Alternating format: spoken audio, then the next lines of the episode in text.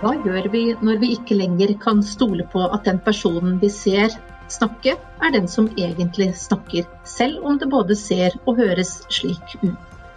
Teknologien åpner for stadig nye muligheter, men samtidig kan utviklingen ha noen konsekvenser som ikke bare er av det gode. I dag skal vi snakke om deepfakes her i Mediepodden.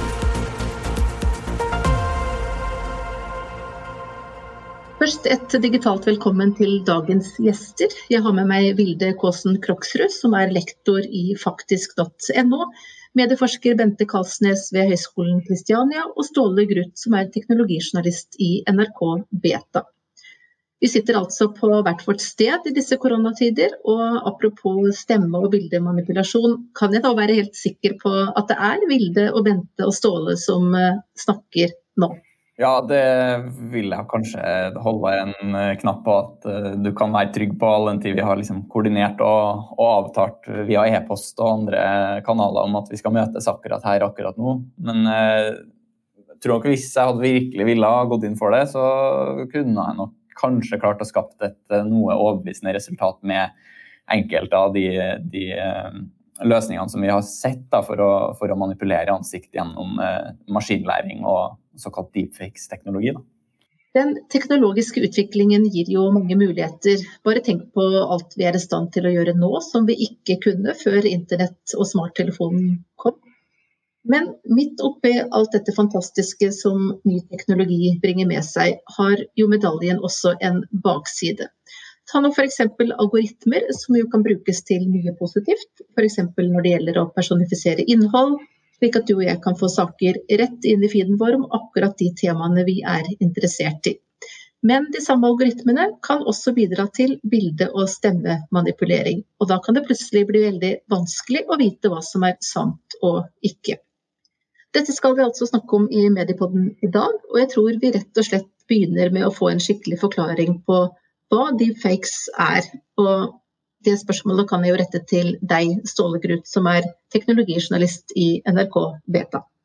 Ja, eh, altså Deepfake er jo et relativt ferskt eh, teknisk begrep. Eh, og Jeg har laga meg en slags arbeidsdefinisjon for å, for å, forklare hva det er. og det, Jeg kaller det i hvert fall medieinnhold, altså primært video, da, som er tukla med eller laga ved hjelp av maskinlæringsteknologi. Uh, og de eksemplene vi har sett fram til nå, det inneholder jo som oftest manipulering av eksisterende videomateriale. Typisk altså, ting som har vært sendt i nyhetene eller, eh, eller sånne ting. Og den, hvor denne teknologien da brukes i etterkant for å redigere i den her og tukle med det for å få det til å se ut som folk har sagt noe eller gjort noe som de egentlig aldri har sagt eller gjort. da.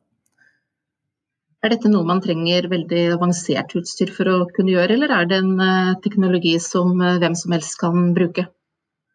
Nei, altså det, Du må nok ha en del datakompetanse og interesse og litt ledig tid for å klare å sette deg inn i å lage det her. Vi, vi, har sett noen pop populariserte versjoner som bruker noe lignende teknologi. Den her fake-app som fikk en del oppmerksomhet for litt siden. Det var, var bilder at du kunne Eh, få det til å se ut som du var mye eldre enn du var, f.eks. Med, med relativt overbevisende resultater. De underliggende teknologien så bruker de noe av det samme. Eh, men per i dag, hvis du skal lage en, for en overbevisende video, så må du nok ha en god del kunnskap. Men jeg tror at mye av grunnen til at jeg har fått en del oppmerksomhet, er, er rett og slett at uh, de vanlige datamaskinene vi alle har hjemme, de har nå blitt så kraftige at vi kan bruke denne teknologien egentlig på enhver datamaskin og trene opp den til å gjenkjenne mønster i eksisterende bilder og videoer, og så da eh, manipulere eller, eller, endre den i etterkant. da. Bente Kalsnes, du er medieforsker og har eh, forsket eh, og skrevet om dette med desinformasjon og falske nyheter blant mange andre ting. Og når teknologien er kommet så langt som vi snakker om her nå, hvilke farer ser du da både for hver enkelt av oss som innholdskonsumenter og for samfunnet og demokratiet litt i stort. Ja, Den type videoer som uh, Ståle nå har uh, forklart, uh, har nå hovedsakelig vært brukt i underholdningssammenheng.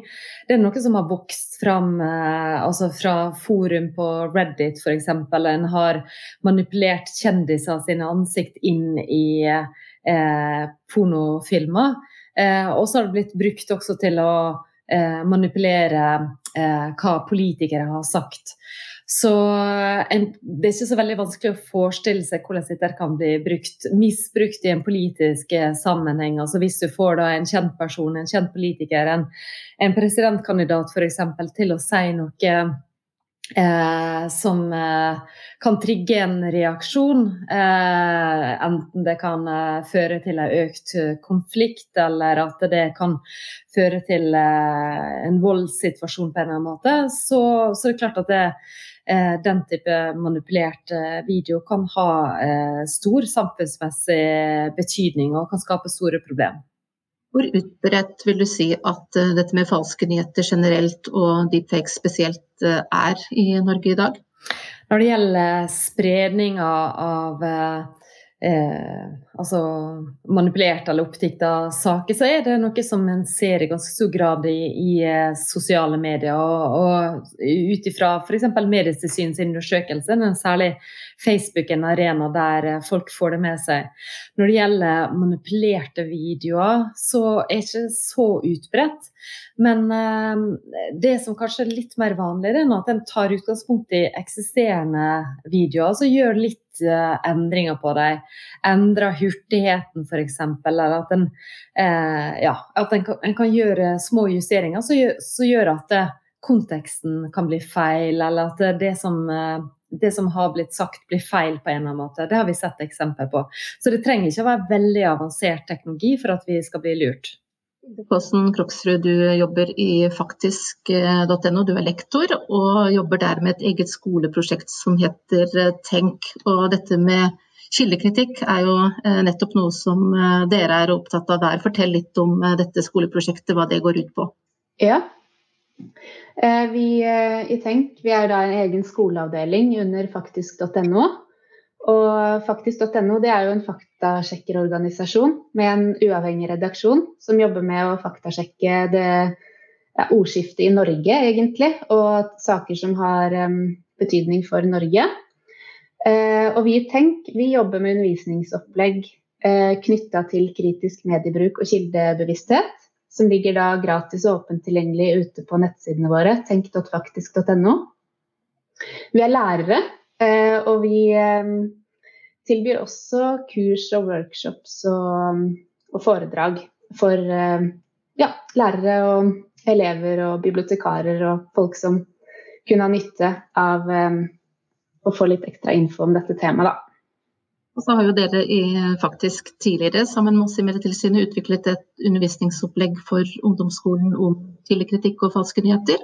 Og så har vi mm. altså nå gått eh, videre og laget et nytt opplegg som er da spesifikt eh, om eh, bildemanipulasjon og deepfakes. Fortell oss litt mer om dette nye undervisningsopplegget.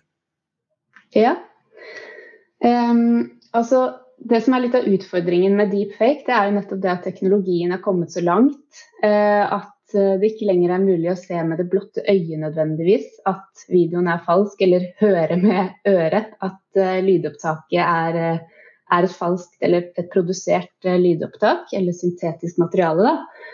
så Derfor så har vi laget et undervisningsopplegg som både informerer om hva deepfakes er, hvordan det lages, og hva det brukes til, og hvilke konsekvenser det kan gi både oss som enkeltindivider, men også som samfunn. Og så er vi også opptatt av å gi verktøy til å avdekke deepfakes, slik at elevene både kan stå sterkere den dagen de møter på det i feeden sin, men også ja, for å ha konkrete verktøy å bruke. Da.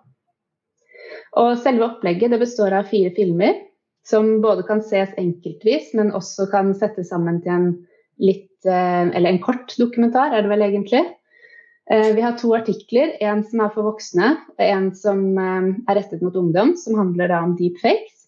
Også I tillegg har vi også laget en, en, plakat med konkrete tips til hvordan man kan gå fram for å avdekke deepfakes.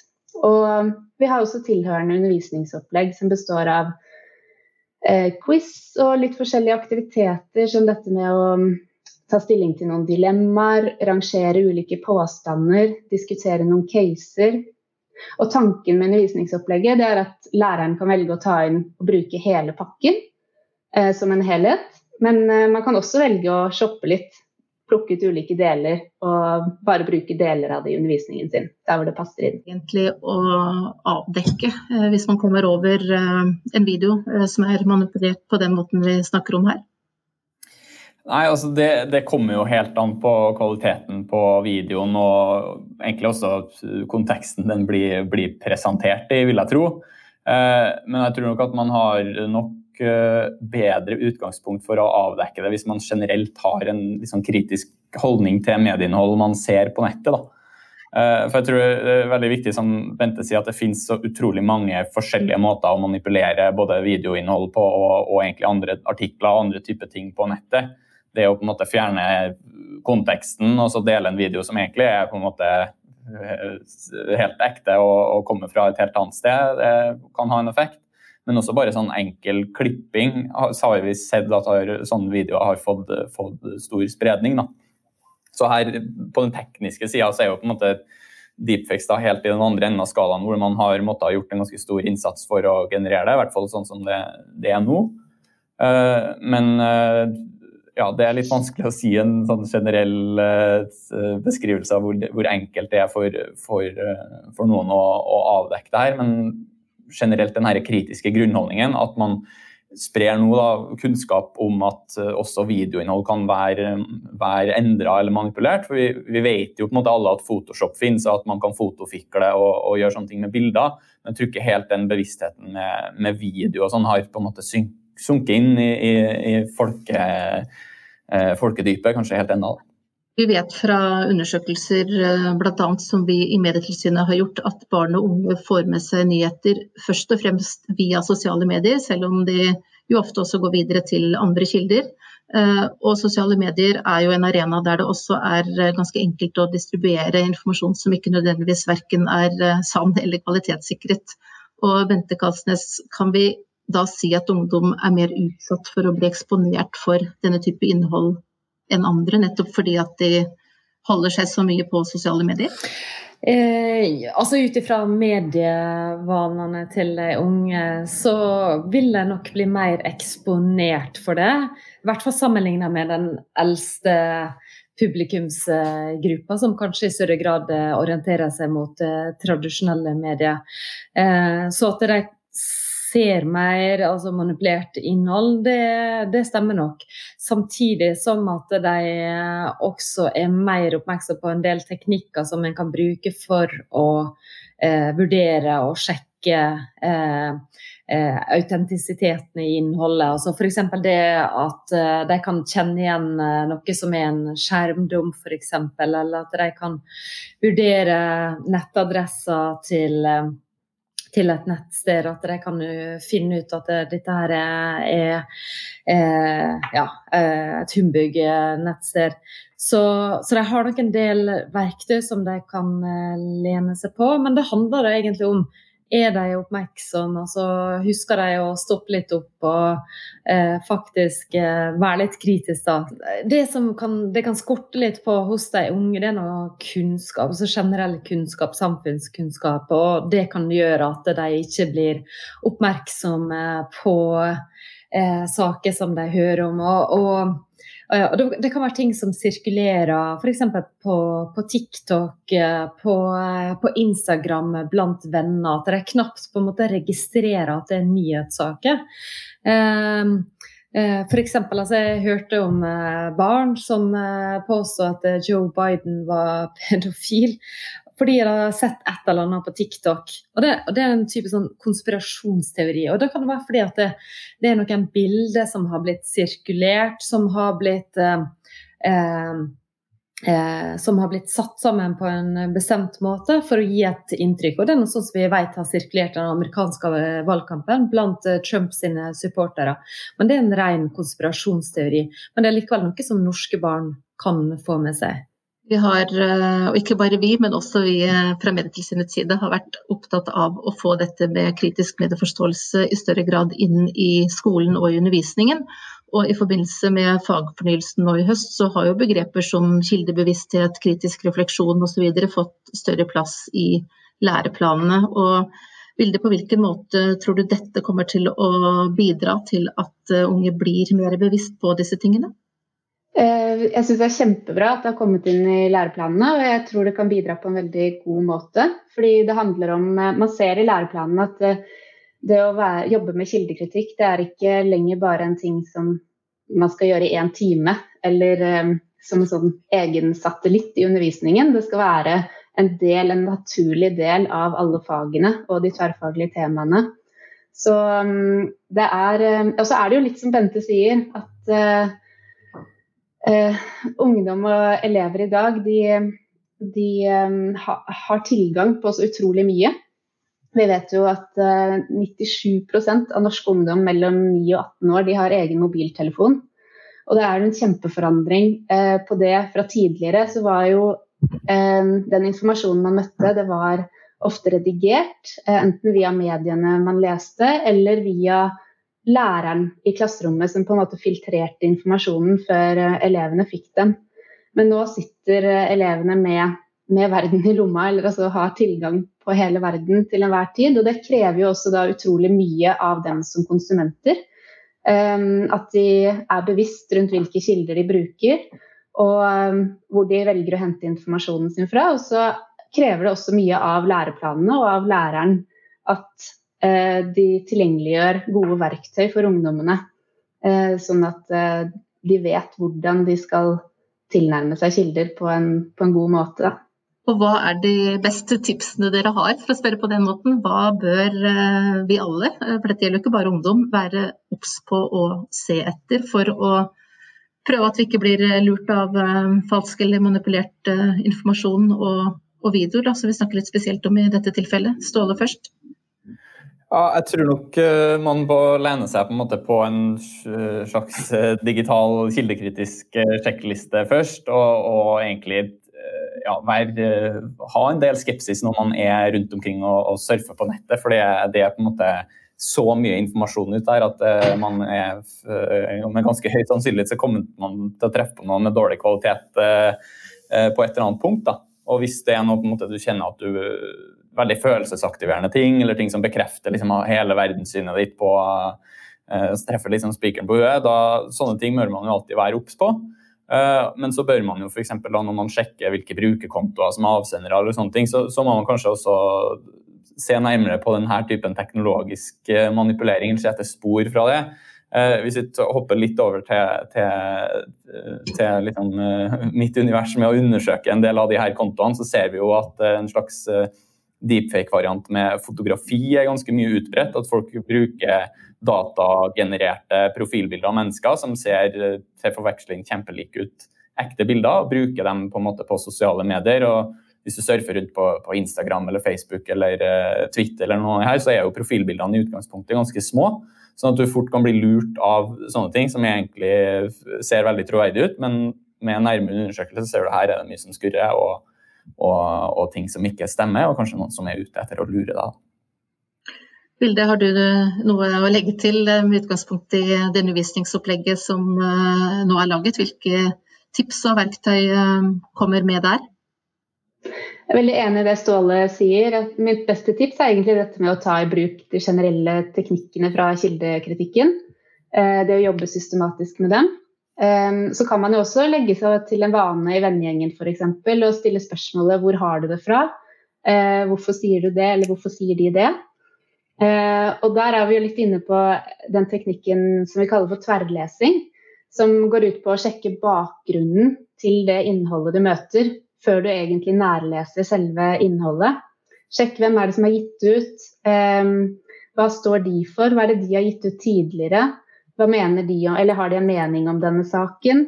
Eh, hva kan motivet være for å dele dette? Det er ikke alltid man kan finne ut hva motivet er, men man kan jo Eh, være kritisk og gjøre seg opp noen tanker. Sånn står man også da mye sterkere til å gjøre seg opp en mening rundt troverdigheten til det innholdet man da eh, nærmer seg, da, om det er et bilde eller om det er tekst eller, eller, hva det er, før man blir blendet av selve innholdet. Og så er det jo det Ståle sa med bilder og sånn, så har vi en teknikk som heter omvendt bildesøk. Hvor man kan eh, bruke det for å forsøke å finne opphavet til eh, bilder og videoer. Um, og et siste tips er jo nettopp dette å kjenne etter når følelsene eh, kommer i sving.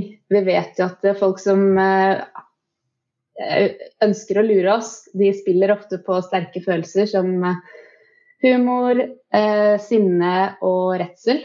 Eh, og hvis man kjenner sånne følelser eh, når man møter på innhold, så er det grunn til å reise garden litt og være ekstra kritisk.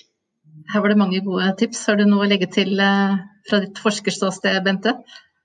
Ja, nei, Jeg kan egentlig bare fortelle at um, jeg jobber i et forskningsprosjekt som heter SKAM, som uh, står for uh, uh, på engelsk 'Horse Criticism and Mediated Disinformation', som handler om å utvikle hele konseptet rundt kildekritikk. Og Nå nevnte Ståle begrepet digital kildekritikk, og jeg tror det er utrolig viktig at vi eh, utvikla metoder og verktøy og framgangsmåter for å kunne drive digital kildekritikk. Én ting er at en, en, skal lære en del av disse teknikkene eh, i skolen, og ikke minst er det veldig, veldig viktig at journalistene lærer seg det. At en eh, får ei større verktøykasse for å undersøke innhold som eh, sirkulerer på nett, og som sirkulerer i befolkninga, for å vurdere er dette her eh, reelt, eller er dette noe som er oppdikta? Eh, og da trengs det både nye metoder, eh, kanskje vi trenger nye eh, digitale verktøy. Eh, så en av eh, Sett av eh, hensiktene med det prosjektet det er nå å kunne avdekke hva er det som blir gjort i dag, hva er kompetansen på det nivået i dag. Og så etter hvert også kunne komme med flere tiltak på hvordan en kan gå videre og bli enda bedre på digital kildekritikk. Jeg tenker på én ting. Når vi snakker eh, nå, så um, er det jo sånn at uh, det stilles jo etter hvert ganske store krav til oss som mediekonsumenter. Altså Det er ikke bare å lese lenger eller høre eller se. Vi skal tenke på alle disse tingene uh, for å kunne være sikre på at det vi tar inn er til å stole på. Og kan vi forvente at uh, barn og unge da gjør dette? Eh, det, det, er ganske krevende å skulle være en uh, mediebruker i dag, sånn som du sier. Uh, men jeg, jeg, tror nok at det blir gjort allerede. Samtidig som at jeg tror at vi må ha, ha litt hjelp. Og eh, vi kan få hjelp fra mediene, vi kan få hjelp fra journalistene. Journalistene kan hjelpe oss å sortere informasjon. Det er veldig viktig. Samtidig som at det også finnes andre altså organisasjoner altså i samfunnet som kan eh, hjelpe oss å kvalitetssikre informasjon. Altså Forskning er en veldig viktig eh, arena der en kvalitetssikrer informasjon. Um, og så ser vi også at eh, plattformselskapene gjør mer på det området i dag. Eh, jeg tror ikke de har helt funnet riktige måten å gjøre det på ennå. Eh, men eh, vi ser at de tar mer ansvar når det gjelder det å skulle identifisere feilinformasjon. Alle. Ja, vi, vi kommer fra et, eh, si, et tiår hvor eh, de her eh, sosiale mediene har egentlig bygd ned uh, garden vår, gjort det enklere å spre innhold og få tilgang til innhold og sånne ting. Så man har på en måte sakte, men sikkert blitt tilvendt den her veldig raske hastigheten i, i mediekonsumet, som er på en måte skal si, kildekritikkens verste fiende, egentlig. Og, og der tror jeg den, det fokuset nå, for eksempel, nå ser vi at de sosiale mediene tar grep, men vi, vi, vi også får mer kunnskap om det faktisk et sted å tenke. Sjøl har jeg jobba med en bok om, om samme tema, så det, det, er på en måte mer bevisstheten om at man kanskje uh, trenger å jobbe for å reversere det her. Da. Og det, det håper jeg jo at eh, også barn og unge, særlig i skolen, blir, blir bevisst det tidlig og setter en slags forventning om at ting kanskje ikke skal være like raskt som, som det har vært fram til nå. I hvert fall hvis du har lyst på informasjon du kan stole på og, og er trygg på. Du er jo journalist, eh, Ståle, og Bente nevnte mediene, som også er noen som bør ta ansvar her. Er mediene flinke nok, sånn som du ser det, til å bidra på dette området? Uh, altså, jeg vil vel si at jevnt over så, så, holder jo norske medier god kvalitet. Men jeg har gravd meg en del inn i det her i forbindelse med den boka jeg har skrevet om, om digital kildekritikk for journalister. og der finner jeg jo støtt og stadig eksempler på at man ikke har vært god nok, og at man f.eks. faller for fristelsen til å inkludere Twitter-meldinger, som er en sånn klassisk gjenganger. Eh, fra ganske eh, suspekte kilder og folk som man ikke egentlig aner hvem er. Da.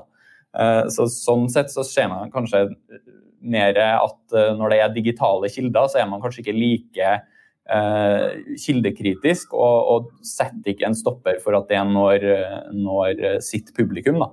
Så jeg mener jo at det det er, viktig at journalistene gjør denne jobben grundig, eh, nettopp fordi at det er såpass enkelt å, å nå ut med, med, dårlig informasjon på nettet. og Derfor eh, skal vi på en måte Hele poenget er at vi skal spare brukerne for den jobben. Vi skal servere troverdig informasjon. Men da er vi også nødt til å gjøre den ekstra innsatsen. og kan du si Dessverre så tar jo det, det tid, men det er jo nesten noe man, eh, man bare må, må, gjøre i dag. I hvert fall hvis man ønsker å være en troverdig journalist og, og levere stoff til troverdig medier. Nå har det jo akkurat vært uh, valg i uh, USA. Vi kan nesten ikke snakke om falske nyheter uten å nevne det. og På forhånd så var jo frykten stor for at nettopp falske nyheter og desinformasjon skulle bli en stor del av dette valget. Og Bente Kalsnes, jeg vet du er opptatt av dette. Og har du noen oppfatning ennå av i hvilken grad dette har vært utbredt, og hvilken rolle falske nyheter kan ha spilt? Ja, Det er veldig mange ting som tyder på at det har vært utbredt. altså Sirkulasjon av konspirasjonsteorier. Ikke, ikke bare i sosiale medier, men også i altså, relasjonelle medier. Eh, men om det faktisk påvirker stemmeavgivning eh, hos velgerne, det er litt vanskeligere å, å si. Eh, men vi, en forskjell som vi ser, f.eks. sammenlignet med 2016-valget, er at det, nå er det flere medier som har egne dedikerte eh, journalister som da jobber med å skulle eh, avdekke og rapportere på ulike typer feilinformasjon og desinformasjon som sirkulerer. New York Times har det, Washington Post har det. Eh, og de har eh, ganske eh, hyppige oppdateringer. Eh, og der kan eh, en da lese mer om altså, typ sånn konspirasjonsteorier som beveger seg i ulike eh, Facebook-grupper eller WhatsApp-kanaler. Og Eh, som er eh, noe som mange gir oppmerksomhet til. På, til. Så, så, vi ser også at eh, media håndterer dette på en helt annen måte enn eh, en tidligere. Og vi ser også at mediene er mer forsiktige med å konkludere på en del ting. Eh, selv om f.eks. Trump går ut og sier at valget er avgjort, han har vunnet og sånt, så var det veldig mange av altså, Mediene har vegra seg veldig for å skulle konkludere for bombastisk på ting, eh, basert på ja, eh, påstander og egentlig konspirasjonsteorier. Det går jo fort også mot eh, stortingsvalg her i Norge, og tror du vi må forvente økt forekomst av falske nyheter og deepfakes i den forbindelse? Ja, jeg tror nok at vi kan se ulike typer type sånn konspirasjonsteorier som kan sirkulere i eh, f.eks. Facebook-grupper. Det ser vi i dag. Og det er ikke noe som bare skjer i andre land, det skjer også her. Og særlig i tema som, uh, ja, som er kontroversielle, som vekker følelser. Og det kan være uh, det kan være innvandring, det kan være ulv for den del. Som bompenger. Eh, vi har mange, mange eh, temperamentsfulle tema som vi òg diskuterer, der det kan gå litt hardt for seg. Så da, da gjelder det, sånn som vi har snakket om, liksom dette med å roe ned litt og tenke seg om og eh, kjenne litt på er dette her noe som virkelig trigger sterke følelser. For da kan det være noe som, eh, der noen bevisst prøver å dytte det i bestemt retning. Nå har vi jo eh, snakket mye om eh, problemer, og til slutt, er det noen positive sider ved deepfakes-teknologien? Kan den brukes til noe konstruktivt på noe vis? Ståle? Nei, altså, jeg har jo vært litt nysgjerrig på, på hvorfor og, hvordan den teknologien her har oppstått. For det, det har jo vært drevet i, i, mye fra, fra universitetsmiljøet og sånne ting, det å på en måte utvikle denne typen teknologi. Og når jeg, når jeg har på en måte gått inn på de artiklene og sett om det er noe eh, hvorfor man ønsker å gjøre det, så har det stort sett vært eh, hvert fall det jeg har sett, at man, man, vil teste hva som er mulig. Bare forsøke å på en måte pushe teknologien ute til yttergrensene og, og forbi. Eh, men jeg har jo etter hvert sett noen eksempler fra, fra min egen uh, del av medieverdenen uh, om at man gjennom denne teknologien f.eks. kan få til troverdig dubbing på et hvilket som helst språk, eller hvis du sa noe feil på, på sett eller ønsker å endre en scene i en stor film eller en TV-serie du, du allerede har spilt inn, så har man på en måte mulighet til å måte, gå inn i ettertid og, og, korrigere sånne ting. Men det vil jo selvfølgelig være for, for fiksjonsmateriale og sånt, men der kan man jo plutselig begynne å spare både tid og, og, og ressurser på å kunne endre innhold på den måten. Jeg ser jo allerede nå at det er noe, noen tjenester f.eks. med innspilling av podkast, hvor du kan gå tilbake i manuset og bare uh, gjøre endringer i tekst, og så, så fikses innspillinga av lyden uh, automatisk da, i etterkant. Så det, det, finnes jo en del sånne ting som er, er på en måte positive. Uh, men her er det jo åpenbart en god del fallgruver også, da, med annen bruk av teknologi. Hva blir det neste, tror du?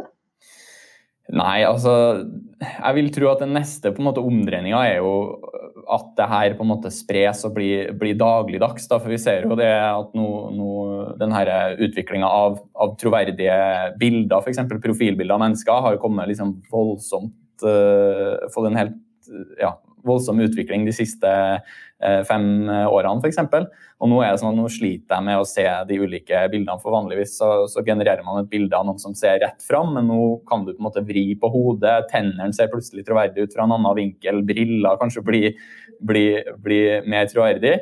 Og så ser vi at, at eh, denne typen teknologi også selges til bedrifter, f.eks. Altså hvis du en, driver en klesforretning og trenger å få demonstrert et plagg på, i forskjellige farger på forskjellige personer, og sånne ting, så, så så, så, begynner man å kunne også ta i bruk den teknologien til, til sånne ting. Da, nettopp for at Da trenger du ikke en modell for eksempel, som tar på seg alle de genserne, men da kan du bare på en måte, generere opp uh, si troverdige bilder eller videoer av det.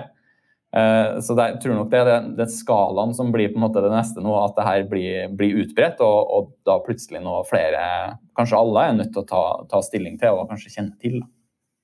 Der er det bare å kvesse de kildekritiske klørne. Ja, kaste settefeltet og, og kvesse blyanten, ja.